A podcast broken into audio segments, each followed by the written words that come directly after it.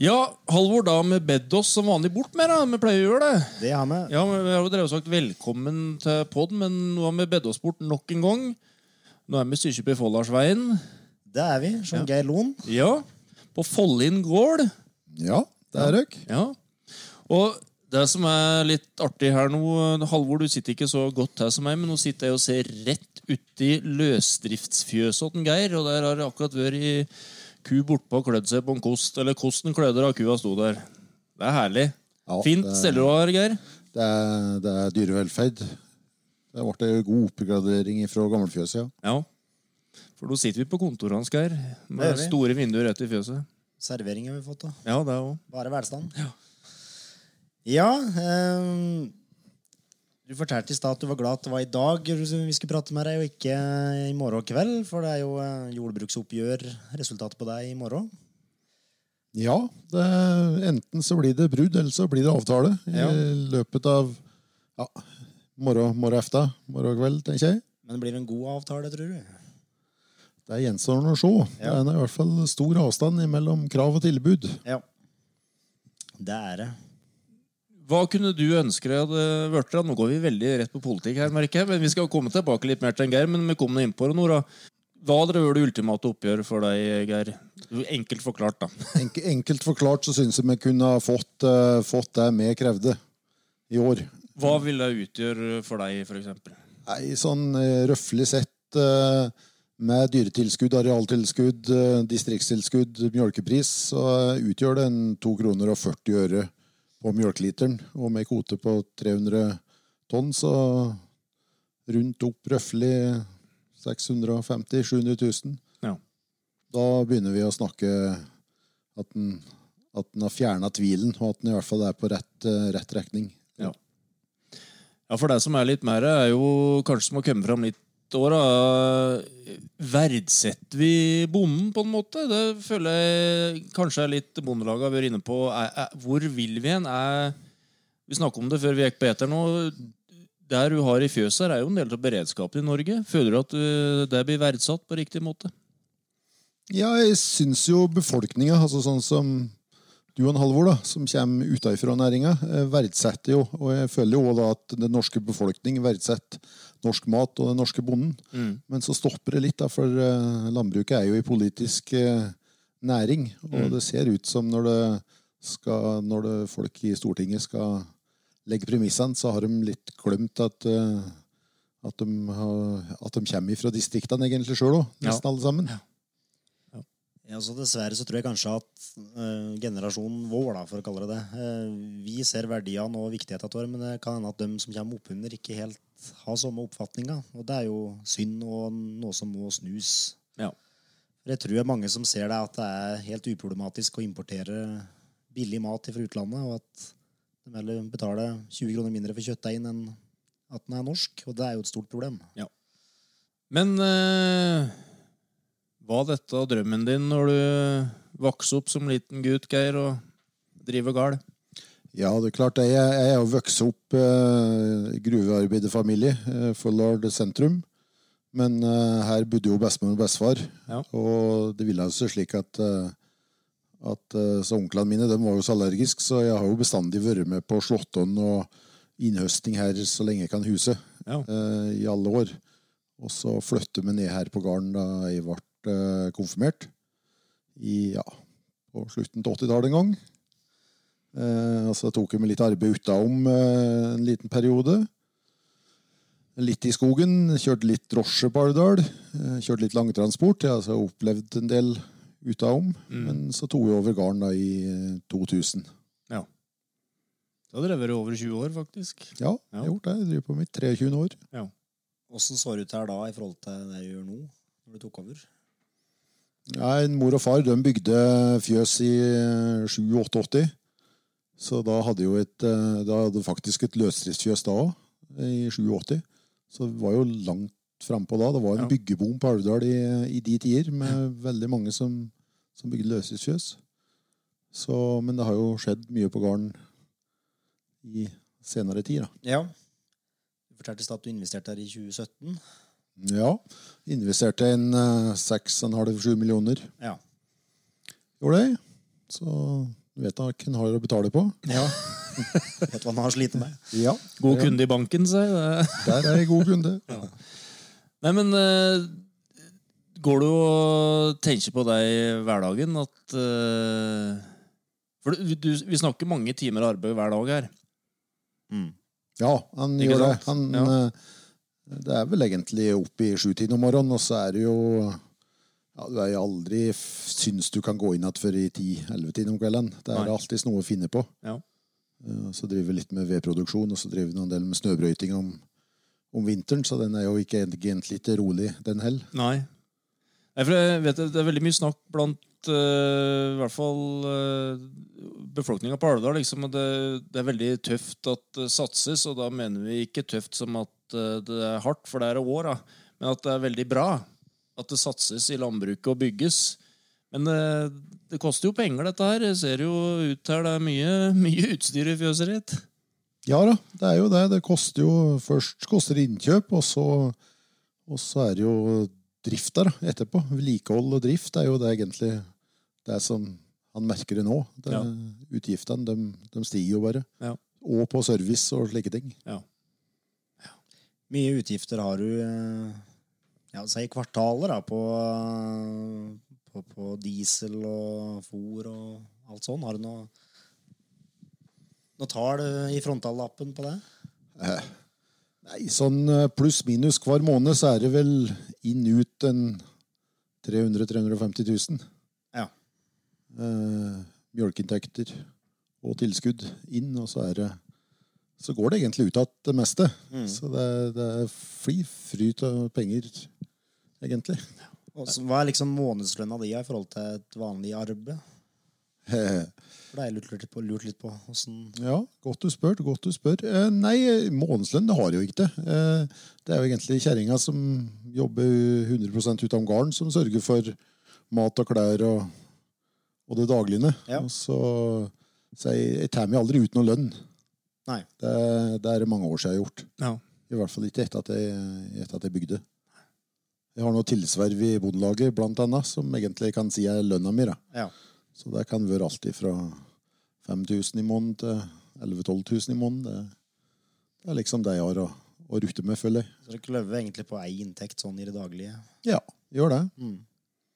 Så lenge jeg arbeider så mye, så har jeg ikke behov for så mye. Da får jeg ikke tid til å reise nedover og bruke noen penger. Så det- Nei, Ja, greit, det. Ja. Sånn sett i perspektiv, og du nevnte det i stad før vi begynte, at du har jo på en måte to, to jobber lell, og uten å sitte igjen med så mye før det sånn Ja, direkte. da. sånn prosentvis er det jo i hvert fall to jobber, ja. Ja. Ja, nei, så han, han føler jo det at eh, det kunne ene vært litt mer romslig, sånn at du kanskje kunne avsett Mm. lønna til sjøl, da. Men det, det er eh, mange år siden. Jeg, ja, I hvert fall ikke etter at jeg bygde. Så det er ikke rom for å avsette en pott i måneden i fast båt. Nei. Er vi Ja, vær så god, Halvor. Jeg avbrøt deg. Nei, nå skal jeg inn på en litt lengre sti her, så bare ta Ja, nei eh, vi, skal sikkert komme litt tilbake til jordbruket og litt utfordringer og sånn der, men eh, Eller fortsatt jordbruket, da, men hva er det som gjør at du har lyst til å drive med dette, Geir? For det, nå er det jo, har vi det litt sånn at du skal ha mer penger og ditt og datt, men det er jo en drivkraft der, antagelig? Ja. Ja, hva er drivkrafta, ja? Eh, jeg passer ikke til å jobbe på fabrikk. Det har jeg prøvd. Ja. En vinter i hine hårde dager. Så, det, ja. Så noe åtte til fire-jobb, der ville jeg ikke trivdes med uansett. Nei. Eh, Jeg kan vel si at drivkrafta er at ingen dag er lik. Mm. Eh, Det gir meg mye å se at de 100 dyrene jeg har inne her, har det bra hver kveld jeg går inn igjen. Når det gjelder snøbrøytinga, så er det, det er en drivkraft i å gjøre folk fornøyd i bygda. Og der er brøyta så folk kommer seg fram og, og kjører trygt. Ja. Og de roer jeg har. Så ja. Og kanskje ikke noe fullgodt svar, men drivkrafta er Nei, jeg er genuint interessert i landbruk og dyr og litt i maskiner, og alt skal Ja, jeg vil gjerne gjøre en tjeneste for folk, da. Og Ja. dyr. Det er et veldig godt svar, eh, spør du meg. Ja. Mm. Eh, Du har jo vært litt kjent eh, i Du var jo litt kjendis, Geir. Du må jo, vi må jo bare si det. Når det har vært litt landbruksoppgjør og litt stått fast litt i perioder, så er jo Geir og Lille-Jon blitt Om ikke et begrep, så har du i hvert fall vært riksmedia. Var som, eh, kom du på tanken om å kjøre en Lille-Jon? Du forklarer litt om eh, en Lille-Jon, da, men hvorfor kjørte du en Lille-Jon til Oslo første gangen? I første gangen var vel eh, Det var jo på disse, i disse tider, ganske nøyaktig Ja. for ni år siden. Sto og kløvde ved, og så var det jo da Sylvi Listhaug som la fram et skambud. Og jeg vet jeg tenkte at dette er galskap, og hva kan matche galskap? Og der må jo å kjøre traktor til Oslo. Så visste jeg da at det var noen planer, aksjonsplaner om å kjøre traktor fra Hamar og den rundt kanten der. Og da var fylkeslederen Einar Mykje som aksjonsleder og general for uh, traktorkolonne fra Løten til, til Oslo. Og Ja. Da ringte han over og sa at jeg vil være med, jeg kommer. Så slik starta det. Det var rett og lett for å markere galskapen til oppgjøret. Så ville jeg være litt gal, jeg òg. Men åssen var turen over? Det er, det er jo en Lille-Jon har jo ikke noe hytte eller noe, så du sitter jo åpen. Ja. Nei, første turen, den, var, den, i, den i 14, den var egentlig veldig fin. Det var ei lita regnskur. Ja. Det har vært verre de to siste, to siste gangene jeg har kjørt. Eh, Særlig siste gangen, for da sprutregna det ifra Steimokrysset til, til Oslo. Så Ja, nei, i og med at han kjører åpen traktor, da, så får han av mye Han lufter mye god natur og mye frisk luft, får han. ja. Uh, og så Alle tre turene har jo vært stor oppslutning med langs, ja, langs veikanten, fra Ja. sidelinja. Ja. Eh, Folk slenger seg med og kjører en bit, og ja. folk står og heier. Og, og vi ble jo stadig flere og flere traktorer over Østerdalen, ja. særlig nå siste gangen. Eh, Så Men du, du har en litt iboende kraft i deg til å, å si ifra hvis du føler ting ikke er rett? Rettferdig? Kan ja. du si det når du har vært vei tre ganger, liksom? Ja, ja. Nei, det er, det er nok eh, drivkrafta. Den tredje turen da hadde jeg sagt at det blir ikke meg som kjører, kjører nå. Men eh, jeg klarer jo ikke å sitte rolig. Så jeg måtte jo bare heve med. Og når det var en nordlending som kommer fra ut på Dønna med traktor, så, Ja. Så tenkte jeg at nei, da skal jeg klare en til. En til. Men Ja. nå er vel kanskje konseptet oppbrukt, så vi finner på noe annet neste gang. ja. Det var artig markering. Når du, du var vel først i toget inn til foran Stortinget, var du ikke det? Jo, første turen i 14 eksploderte det totalt. Ja. Da, da ble det jo en kamp mellom media og hvem som skulle følge meg. Så jeg hadde jo kamera på traktoren og ble jo møtt av journalister. Og, og den jeg, jeg pleier å si at jeg var ganske sjenert før. Altså, Jeg likte aldri å ta ordet i foreldremøter eller satt bakerst og tidde stille. Og når du da runder, runder hjørnet og ser Landbrukets hus, og hele plassen er opplyst med, med kameralamper, og du vet at du har fått beskjed om å stoppe der, og så er du direkte inne på nyhetssendingen, da, da føler du deg liten. Ja. Nei, det henger jo et fint bilde her fra du sto og pratet foran Stortinget på kontoret her. Ja, dette er fra, dette er fra i fjor, da vi prata med næringskomiteen. Jeg hadde en liten appell, Ja, vi tian som kjørte fra forskjellige steder i landet. akkurat. Lang, lang tid til en eh, tur med en lille Jon til Oslo fra Alvdal, da? Ja, sånn i gjennomsnittlig 12-13 timer, sånn i ren kjøring. Ja. Da kjørte du på én dag, eller hadde du Nei, jeg hadde mellomlanda på Løten i to, de to første gangene. Ja. Og nå den siste gangen så, så kjørte jo Modalen og Kongsvinger, så da ble det en, en tur stopp i Kongsvinger, ja. Ja, det må da bli en del sideveier når en legger vei på en sånn tur. Ja, det er, litt, det er litt merkelig, for eh, alle tre gangene så har jeg svingt ut på motorveien ved, ved Kløfta. og har ikke blitt stoppa. Og det, det viser jo kanskje litt eh, Litt holdninger ute i storsamfunnet, tenker jeg. Jeg tenker at politiet politi og Vegvesenet har sett meg på diverse overvåkningskameraer. Men de tenker at så lenge han der, der eh, galingen der eh, oppfører seg pent og, og kjører på skuldra, så, Ja. så får han lov til å kjøre ned. Ja. Nei, Folk har vel stort sett forståelse og, og skjønner litt greia mer òg, da. Ja, jeg tror det. Det er jo ikke noen som legger vei med en sånn type traktor langs en motorvei.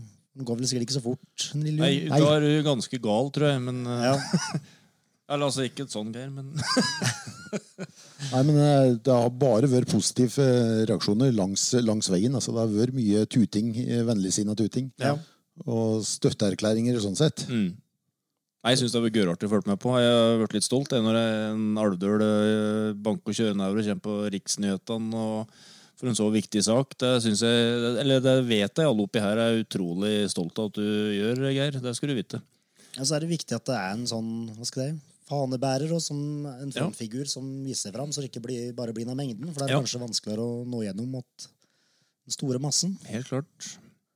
Men du skulle inn på en litt lengre vei, du, sa du? Ja, men du tok, du tok egentlig den veien. Å, jeg tok jeg veien sjøl, ja. Var, var... og der var meg og offeren hadde lyst til å begynne med landbruk. Ja, ja. Eh, du har jo unger, og er de interessert i å ta over stafettpinnen etter deg? da, når du... Nei, status eh, per, per i dag er vel at jeg er litt usikker på Usikker på hvem det skulle vært av dem. Ja. eh, Sånn sett. Jeg har jo tre unger, og det er vel kanskje hun Mina som Som kanskje, hvis hun hadde funnet seg en ordentlig fjagg, da, som er interessert, Ja. så kan det hende hun havner her. Men eh, det er noe en ikke skal pålegge ungene. Ja, det er ikke noe du tenker på. Jeg tenker fort at mange landbruksfamilier da, at det er en sånn byrde som ligger på ungene, kanskje. Men det har aldri vært noe press derifra, nei. Nei, altså jeg tenker det, Jeg har fått spørsmålet før fra andre medier og, og litt sånn. Jeg tenker, Min tanke er at kanskje min generasjon er kanskje den siste som hadde det presset eh, på seg. Ja. Eh, det jeg tror det er mer legitimt nå og tunger å si at de har ikke lyst til å ta over og har andre interesser. Så det tror jeg rett og slett at jeg er den siste generasjonen som følte på det lille presset. Ja. Jeg var vel det eneste barnebarnet eh, fra gården her som, som var litt interessert, eller som var interessert. da. Mm. Og, men jeg har aldri angra på, på valget mitt. Nei. Det er jo klart, hvis du ikke kommer, hvis du ikke har oppgradert da, og du må ta over en litt tungrodd gard, så er det jo selvsagt en stor, stor investering, og du blir jo sittende med gjeld resten av livet, sikkert. Men nå ser jeg to rådyr oppi jordet der. Det var helt avsporing, men dette var veldig artig å se. Da. De står fint oppå der. Ja. Ja, ja tilbake. eh, du har jo noe verv òg, Geir. Har du ikke det? Jo da, Ja. jeg har kommet inn i Bondelaget på i 2013. Vel. Var vel den eneste valgbare utenom styret som møtte opp på et årsmøte. Og da trengte de et styremedlem. Ja. Og året etterpå så trengte de en eh, leder. Og siden så jeg hatt eh, lederverv i, eh, i Alvdal Bondelag. Og så i ja, var i 2017 da, så ble jeg med som styremedlem i gamle Hedmark Bondelag. ja. Og så ble vi over i fusjonen med Innlandet Bondelag. Har sittet der nå i, i eh, Ja, jeg er på mitt tredje arbeidsår da, i Innlandet Bondelag. ja. Åssen er det, syns du? Nei, det er givende. Ja. Det gir eh, ja, det gir en form for input, sjøl om du har det styggtravelt og, og du skal, ja, skal på et styremøte. Så er det, du er full med energi når du, når du kommer tilbake fra et, eh, et slikt styremøte, der du kan i hvert fall føle at du har en, eh, en, en påvirkning da, ja. til å utforme ting. Ja, for det er jeg skulle spørre litt om, om du føler du har Det er jo ikke lang vei kanskje inn til jordbruksforhandling når du begynner å komme litt opp på, i Bondelaget, på en måte. For dere sitter jo og forhandler Bondelaget med staten, ikke sant? Ja, Ja. ja. Eh, Det synes jeg har, det har liksom vært en rød tråd synes jeg, i, i bondelagsarbeidet mitt. At selv om jeg var lokallagsleder, så var ikke, er ikke veien lang opp til toppen i, i Norges Bondelag. Nei. Eh, Jeg syns det er en veldig sammensveisa familie. Ja. Tillitsvalgtfamilien. Ja. Eh, Og sjølsagt er den enda nærmere nå når du, når du sitter på fylkesnivå.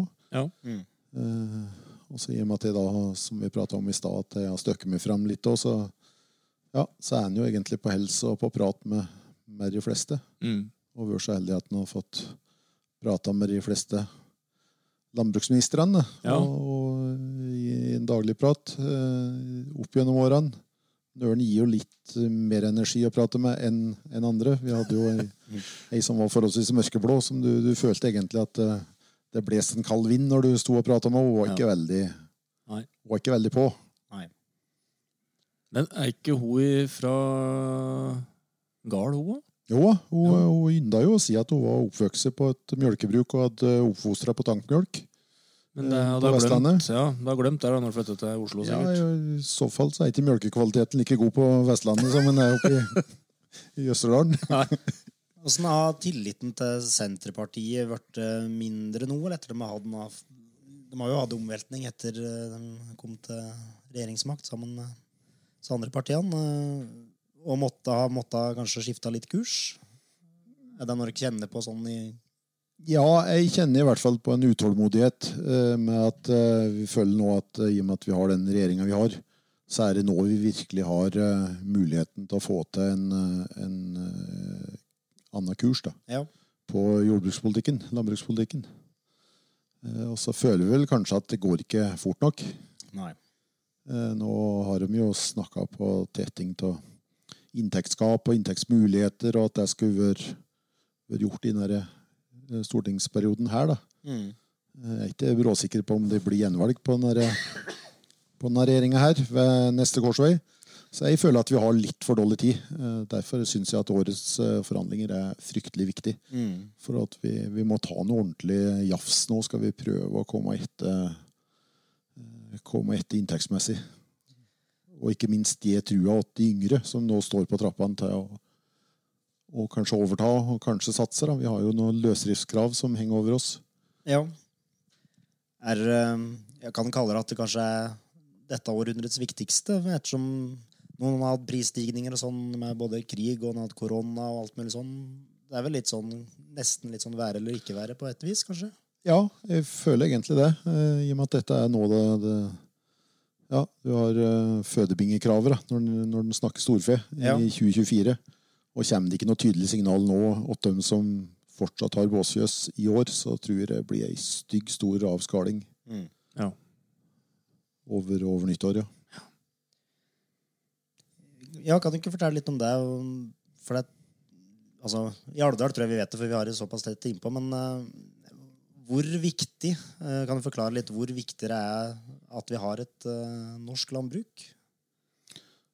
Norsk landbruk er jo på en måte bærebjelken i distriktene. Vi genererer jo De sier jo at hver, hver bonde genererer mellom to og tre andre arbeidsplasser i bygda. Mm. Så ja, det gjelder alltid fra å opprettholde eh, tilbud eh, på bygda. Eh, butikk, eh, Skole. Ja. skole, barnehager, Mm. leger, eh, dyrlege, ikke minst. Store ringvirkninger, ja. Som man er helt avhengig av. Og, og det som ofte er Alle vil jo Hvis du spør folk, da, om de skal velge mellom eh, norsk Ofte blir norsk og kvalitetsmat i samme setning. ofte. Mm. Og det er jo et eh, Det er jeg jo helt enig til, og det er jo liksom en, en sak eh, Så det er som du sa i stad, Geir. Folket har vi på en måte med oss og, og skjønner viktigheten av norsk landbruk. Men det er kanskje det å få dem med pengene til å skjønne det, som er, er greia her. Ja, og Ja. Det, er jo, det er jo litt rart, for vi, vi snakka jo i stad at eh, alle på Stortinget kommer jo stort sett fra distriktet. Ja. De, de kommer inn til byen. Ja. Og så, ja, så blir de nok på en måte bondefanga, eller hva en skal kalle det. Ja, det er et godt begrep. egentlig. Ja. Så, nei, ja, vi har jo en finansminister nå som er kornbonde sjøl. Ja, Så ja. Nei, altså jeg Halvor spurte jo her nå først hvordan tilliten var, og tilliten er vel der, men eh, de, de må vise noe nå i nærmeste døgnet, Ja. ja. rett og slett.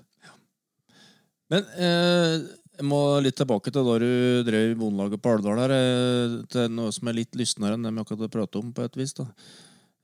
Kan du fortelle, Nå har vi sett en musikkvideo for en del år siden som gikk som en liten farsott her. Kan du ikke fortelle litt om den, eh, Geir? For der er jo du med òg.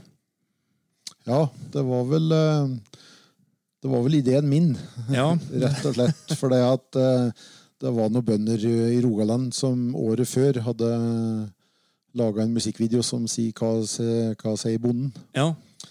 Eh, Og så gikk jeg grubla litt på dette der. Og så la jeg fram planene mine til Rune Skogheim. Og ja, så ja, det var en produksjon som gikk eh, dag og natt i nøren få uker, og så Ja. ble det ja, premiere og brask og bram, og det var jo delinger. Jeg trodde jo ikke min egen øyne når jeg våkna opp dagen etterpå og fikk se hvor mange hundre tusen delinger det var bare På den første, videoen, ja. første døgnet. ja. ja.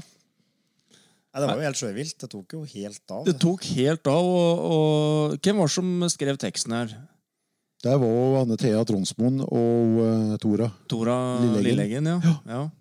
Der var det. De skrev teksten, og så Melodien den var, den var jo en Freddy Kalas som hadde. Ja, Eh, Pinne for landet. Ja. Pinne for landet. Ja. Og jeg sendte jo bare en SMS til eh, Freddy, og dette syntes han var bare kult. ja. Så han sendte meg jo rett og slett studiofiler, råfiler, yes. uten, uten tekst. ja. Eh, Så vi fikk jo den til disposisjon. Bare det er faktisk ganske kult. Ja, og det var, det var en stor pågang i et par år etterpå. Ja. At folk ville gjerne ha den, den lydfila. Ja. For den var han ikke noe interessert i å dele ut etterpå. Nei, akkurat. han svarte ikke på henvendelser eller noe slikt. Men jeg, har jeg hadde jo kontakt med han i ettertid og Ja. takka han hjerteligst. Og Ja. han syntes jo det var bare kult å få stille opp på noe slikt. da. Ja, det er bra. Altså. Jeg husker det var sånn oppdatering litt i kjølvannet til dette. liksom, ja, Nå har han nådd så mange tusen, og dette slutta jo liksom aldri. Bare klev og klev. Og gjør fortsatt i dag. Jeg var inne og så på YouTube nå, og det er jo store tall. Ja. Dit kommer aldri vi, Halvor. Nei. Kanskje vi må alliere oss med en Geir?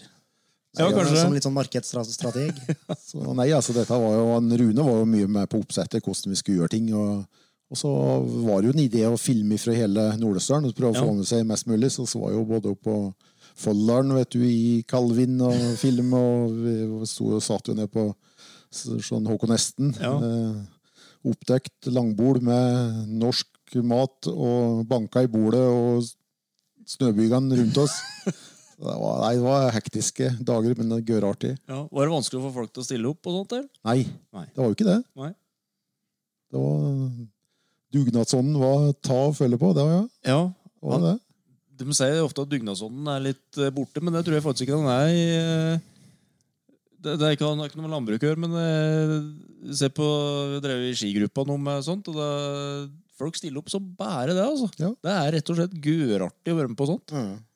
Det var vel kanskje en litt unik bygdeting, tror jeg, den dugnadsånden. Ja, Det som er rart med denne videoen, er jo altså, Dere voksne er ganske like dere, men ungene som var med, har jo blitt vesentlig større og gamlere. Det, det tenker jeg på.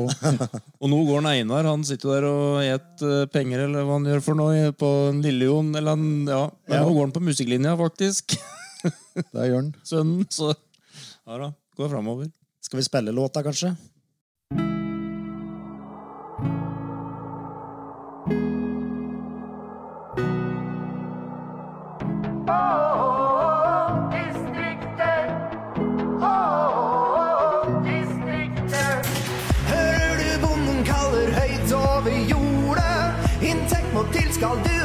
Mat på bordet. På kvalitetsprodukter laget der du bor. For dette synger vi i kor. For alle trenger Vi trenger bønder på Arendal, bønder på Tynset, bønder i Folldalen og bønder på fjellet. Vi trenger bønder i Østerdalen, bønder i Finnmark, bønder i Valdres, i hele landet. Vi trenger mat ifra Gausdal, mat ifra mat ifra Jæren og mat ifra Fræna. Vi trenger mat ifra Trøndelag, mat ifra Nordland, mat ifra Møre. Vi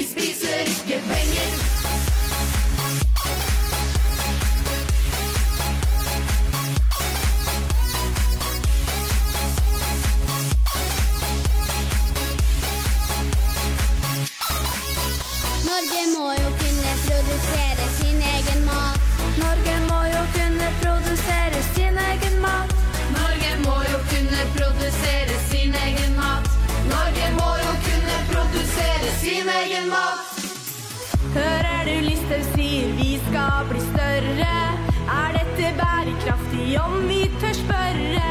Verdens befolkning øker klart at vi må lage mat om vi er små.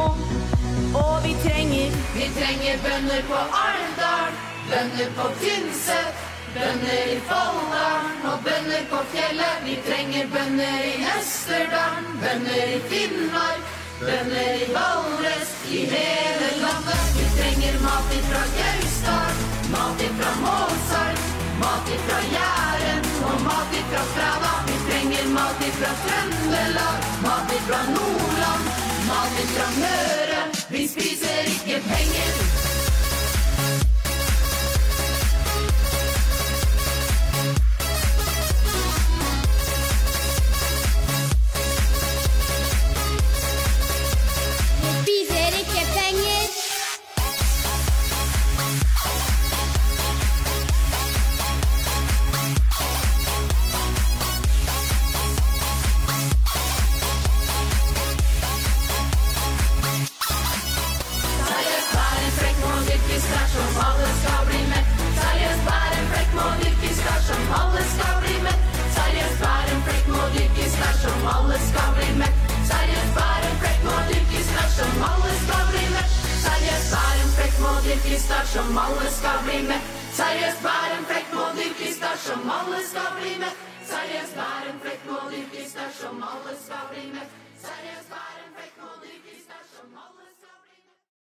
Litt tilbake til de tidligere jobbene dine. Jeg tenkte på det før jeg kom hit i dag. At dette, jeg må bare få med det, for jeg har vært på fotballkamp i dag. Så, Eh, så jeg sitter nå i full mundur. Men når jeg spilte på aldersbestemte lag i Alvdal, på G16 og junior og sånn, så var, hadde vi en fast sjåfør. Og det var en Geir Loen i en eh, hvit Starcraft Chevrolet. Ja. Ja da. Kjørte oss uh, sikkert fram til hver eneste kamp. Vi sitter her i dag, da, så gikk det bra, det. ja. Og, uh, Da må jeg bare spørre deg, Geir. Du, du, du var jo sjåfør her i Husetta som gutt, liksom, eller Åssen var Det er ikke sikkert du huser her, men du kjørte sikkert mye fotballag òg. Åssen var det å kjøre en gjeng med unge tullinger, egentlig? Nei, det var, det var jo gørartig. Ja. Det, Det var jo det, det eh, Ja, jeg ble jo engasjert av idrettslaget. Og Ja. drive og stille opp og kjøre. når der Jeg hadde jo drosjeløyve Ja. den gangen, så det var jo en del av jobben min. Men jeg synes jo det var, det var jo det var jo artig å få komme sitte i bygda. da. Det var ikke så mye langturer ellers. så- så, men til å være en kar som, var så som er så lite fotballinteressert, da. ja. Så ja, nei, så jeg, jeg kjørte, kjørte dere, ja. Sett, sett noen fotballkamper. Ja. Det var jo land og strand rundt. Ja, det var mye oppe i Trøndelagen. Jeg, jeg syns vi syns det var veldig artig når du kjørte, da, for du var jo av de yngre drosjesjåførene, ikke sant? Eller du var vel den yngste by far, antagelig, da. Ja, den gangen så var jeg nok, den gangen så var jeg nok det. Jeg har et lite minne om ei ferge vi skulle nå opp i Flakk, Det er helt riktig. Det var, jeg akkurat da jeg kom inn på det. Det var, ja. Det var vel litt innersvinger og litt eh, Gikk med rakk det vel. Vi rakk det, ja. Ja. Med rakte, men med god kommunikasjon med ferja, så venta han på oss disse minuttene. Så det var, var Nei, et det- minne det som stadig dukker opp, ja. Ja, det huset. Lenge kjørte du drosjer da, Geir? Ja, si det. Ifra 93 til 6, 97, tenker jeg. Ja. 96. Det stemmer godt med de alle da spilte jeg på G16 oppover, tenker jeg, så det kan nok stemme Mm. godt med deg i huset, ja. Var det drosje på Alvdal da, ja? Ja da. Ja. Det var vel eh, din tidligere svigerfar som hadde drosja, var det det? Ja, Alf Sørna. Alf- Alf Sørna, ja. ja. Så svikta helsa på han litt, og så Ja. fikk jeg sånn det kalles bestyrerordning. da. Ja, Så riktig. jeg bestyrte, bestyrte det løyvet uten å ha det formelt sjøl. Ja, sånn, ja. ja. Ja. Frister ikke å ta over at nå, når de skriker etter drosjehjelp.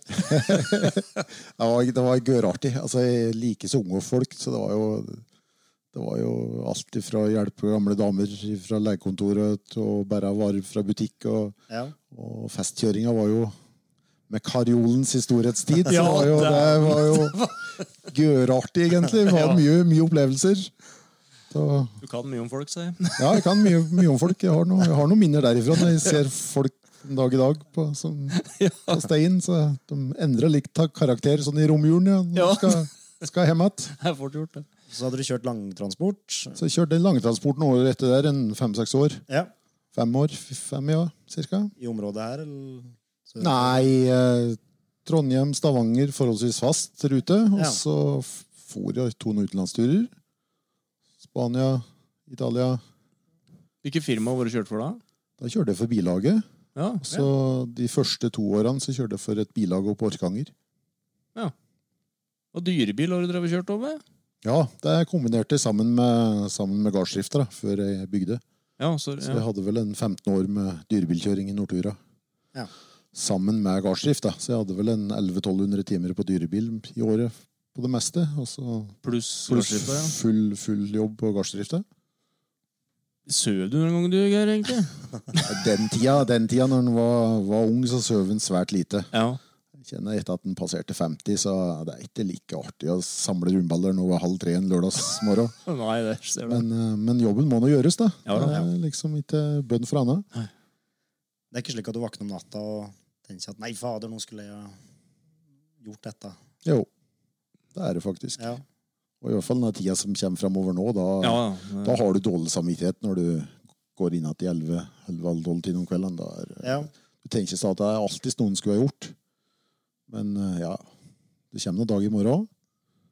Så, det. så, har jeg, så har jeg som mål at eh, så lenge dyrene har det bra, altså det er pri én før, den- før den går ned om kvelden, så skal, skal jeg vite at samtlige dyr har det, har det godt på fjøset. Ja. Så kan det heller den rundballen eller ja, et eller annet igjen ute på jorda, så får jeg heller ta den i morgen. Ja, det er jo den beste innstillinga du kan ha der, tenker jeg. Okay. det sitter jo fortsatt og ser ut i fjøset, litt fascinert av deg, kanskje. Men uh, mange dyr har du her. Jeg har uh, i, I det nye fjøset så er det plass til 37 mjølker. Ja.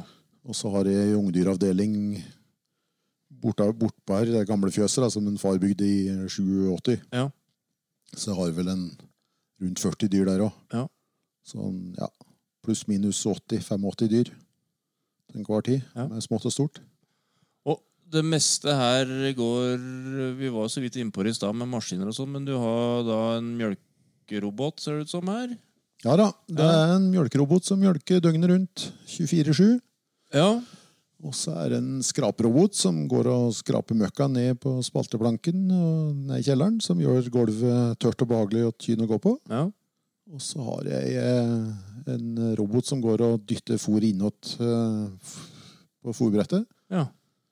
Eh, ja, går hver time og dytter så kua skal få tak i det. Men det, du, du kjører inn fôret sjøl, da? Kjører inn fôret sjøl med Ja. en minilaster, ja. Ja. To ganger i døgnet. Ja. Så er det den, den fòrskyveren, da. Som- Alle, alle har jo egne navn. Ja, ja. Så Ja, hva, ja, hva heter fòrskyveren din, da?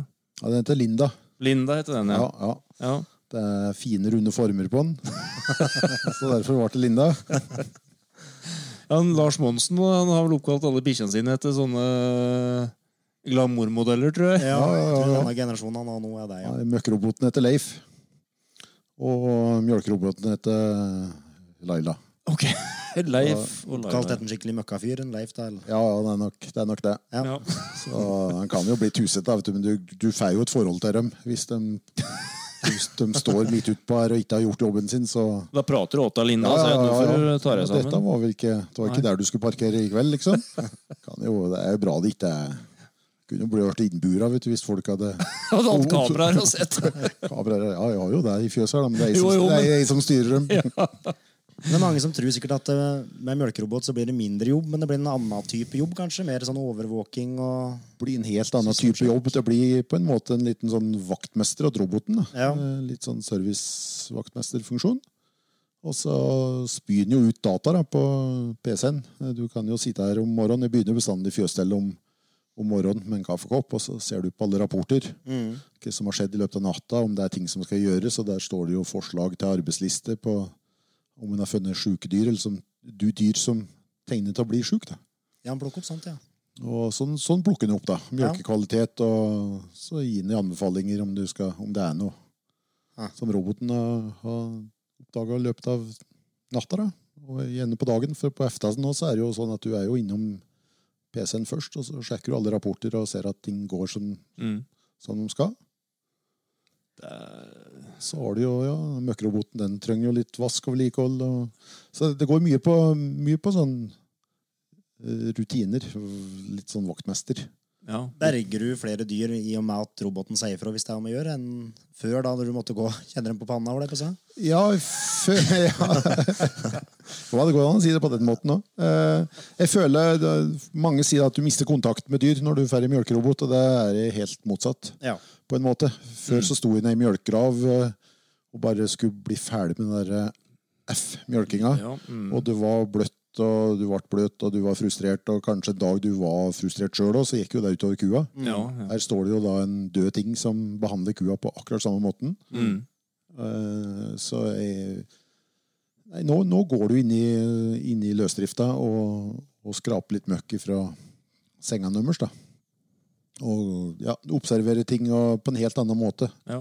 Så jeg har i hvert fall like god kontroll nå uh, på alle dyr Ja. Som før.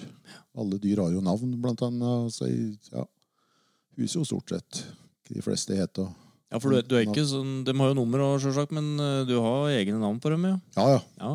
Har det. Alle kalver blir stort sett opp, oppkalt i den måneden de er født, Akkurat. med, med bokstav. Ja. Så nå er vi jo på, nå er vi jo på mai, ja. Så det er jo, går jo litt opp igjen opp igjen. Så må du jo google litt da på jentenavn og guttenavn. Så det er mye Hva er på topp i år? Ja, hva er på topp i år, ja. ja. ja, det er lite Gudløv og Olaug her, da, skjønner jeg. ja, ja. Så har vi jo litt sånne, sånn uh, historiske ting som skjer. vet du. Vi har jo Bollestad. Det var jo for noen år siden på, Ja. den, på denne dagen når det kom et elendig oppgjør, så Ja. ble det jo Bollestad. Ja. Og så har vi jo ei som heter Mona. Da. Det er, hun er da, den kalven er født på dagen da Mona ble ordfører. ja, akkurat. Så det er mye sånn eh, du, du henger det på forskjellige knagger. da. Ja, ja, ja. Men er Bollestad ble sendt til slakt, eller? Nei, ja, hun er, hun er ordentlig god mjølku. Ja, altså, hun eksisterer, hun eksisterer. Formfull hun da, sikkert. Ja da, hun er, har kiloene sine. Skal vi ta med det? Får se. Men du, jeg kom på historie her. um, Vi var i fjor. eh, Jeg hadde vært padler, og så hadde du mistet traktordekk i elva her. Og så sendte de et bilde dagen etterpå. Da var det en haug med kajakkpadlere ute her, og jeg skjønte jo ikke mine egne øyne. Ja, det fortalte du meg i stad. Hva var det for noen gjeng? Nei, det var en gjeng ifra på Os som drev med kajakkurs. Ja. Som jeg oppdaga dem opp Megnebrua, noen kilometer lenger opp her. Og så hadde jo det traktorhjulet da, som jeg hadde mista oppi garden her, som da trilla som ei pannekake ja. Ja. ut på elven. Og ble liggende der, så jeg bare fortøyde det og lurte jo på hvordan de, hvordan de skulle komme opp med det traktordekket. Så jeg skjønte jo at her, her må det jo padles bare nedover. ja. Og jeg var jo egentlig på tur til å gjøre det sjøl òg, men jeg har jo ikke ja, Jeg har ikke noen evner til sånne kajakkting. Vannting. Så da tenkte jeg at eh, det må jo, jeg må jo leie noen folk. Og så plutselig så fikk jeg se disse opp med brua. ja. Så jeg var oppå dem. Eh, og da, da skulle vi gjøre det, da. Så, så da kom det, kom det et eh, kajakkfølge forbi ja, med elever og slik, og så var det en av padlerne som hevde seg opp i traktorhjulet og i løsna tauet og fløyningen, og han padla den i at dø- dørplassbrua litt kilometer lenger ned her. Så fiska vi tak i der. Ja. Ja. Redda vi, redda vi noen titusener der, da. Ja, ja, ja. Men det er artig når en spør folk om noe, vet du. Det verste som kan skje, er at en får nei. Men ofte ja. fan ja, hvis en er liksom uh, ja. Ja, ja, ja, nei, det var Det høres så rart ut å padle traktordekk, men hvorfor ikke? Det flyter jo, så Ja. Det fløt godt, det. Ja, hva tror du er kan stille deg spørsmål da. Hva tror du er de viktigste faktorene for at vi kan opprettholde et sunt og fornuftig landbruk i framtida? Hva, tror du- hva tror du det er avhengig av?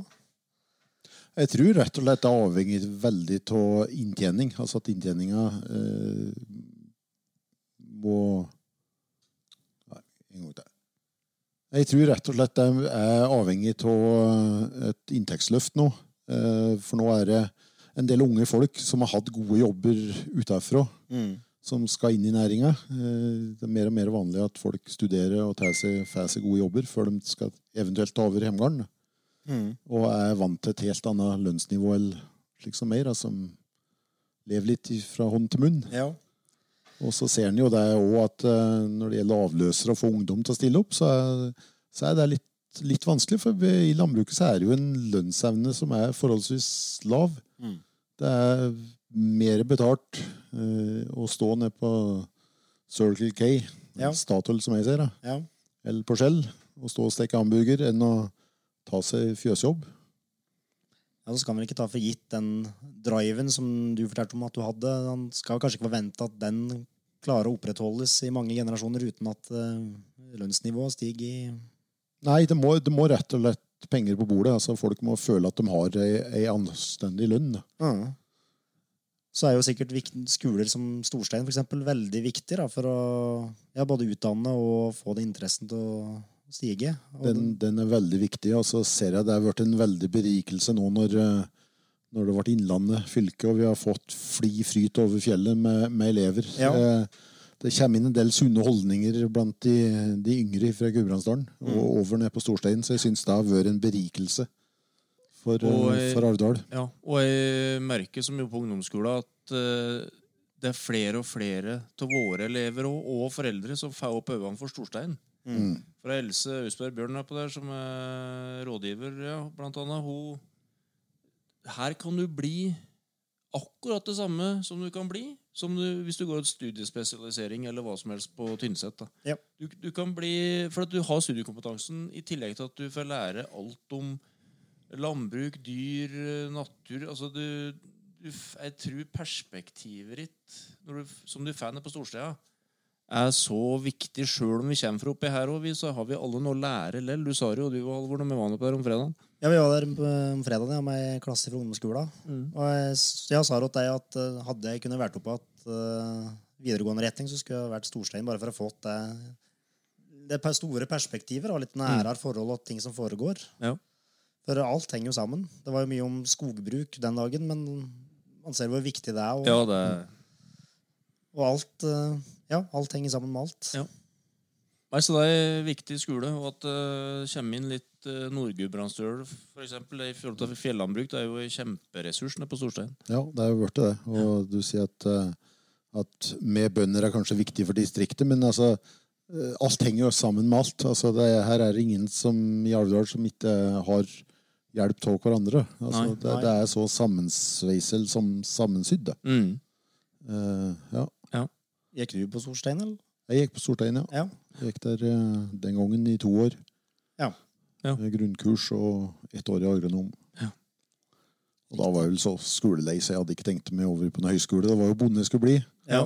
Og jeg, slet, jeg slet jo, i dag sliter jo litt med at når jeg gikk på ungdomsskolen, så engelsk det var jo bare for amatører. For jeg skulle jo bli bonde mjølke ku, behøvde jo ikke engelsk. Nei. Det sliter jo litt med i dag, da, med instruksjonsbøk og Ja, det, og, og sånne ting. Språket så språk er, jo viktig. viktig, så da, da kan jo støve meg på en gamer som sitter inne her, da. Ja. Prater flytende. Jeg har tenkt på Anne-Gina. Ja, det var kanskje ikke det hun jeg tenkte på. Nei, hun styrer økonomien, da, så hun Nei, men den, eh, det er, ungene i dag har jo helt annet forhold til engelsk, sjølsagt. Og det, Ja, ja. ja. Så, Ja, men det er jo fort, jeg har jo tenkt sånn sjøl at fag en ikke har bruk for, den bryr seg jo ikke så mye om. eller nei, men fag en tror en plutselig ikke. så har Ja, ja, ja. bruk for det. selv. Ja, ja, ja. Jeg angrer som, jeg angrer som en hund ja, på at jeg Ja, ja. måtte inn på eng engelsklærerens kontor på Folldalen og krangle med til en engelskkarakter, for hun var nok villig til å ikke sette noen karakter, men det, det ble noe. Det ble en karakter. det ble en karakter av laveste Ja, sort, men ja, ja. det sto noen bokstaver der. det var sikkert en fryktelig håpløs elev. Jeg hadde jo en innstilling som ikke var helt, helt bra, sikkert. Ja, men det ble folk til det òg, Geir. Ja, det ble noe der det ble. Tusen takk for praten. Takk for praten. Trivelig at du kom. Fra Eidsvoll med frigjøringsverket, til Hamar med domkirkeruinene, frem til, til, til Elverum med klesfengselet, til Rena med kartongfabrikken, til Koppang med togbytte og 20 minutters opphold i restaurant. Til fingerens danse på den ørvesle fluelorten som heter Alvdal. Som ikke har noen ting de vet om, kanskje. Men én ting vet de vi har. Alvdalsbotn med Simen og Halvor.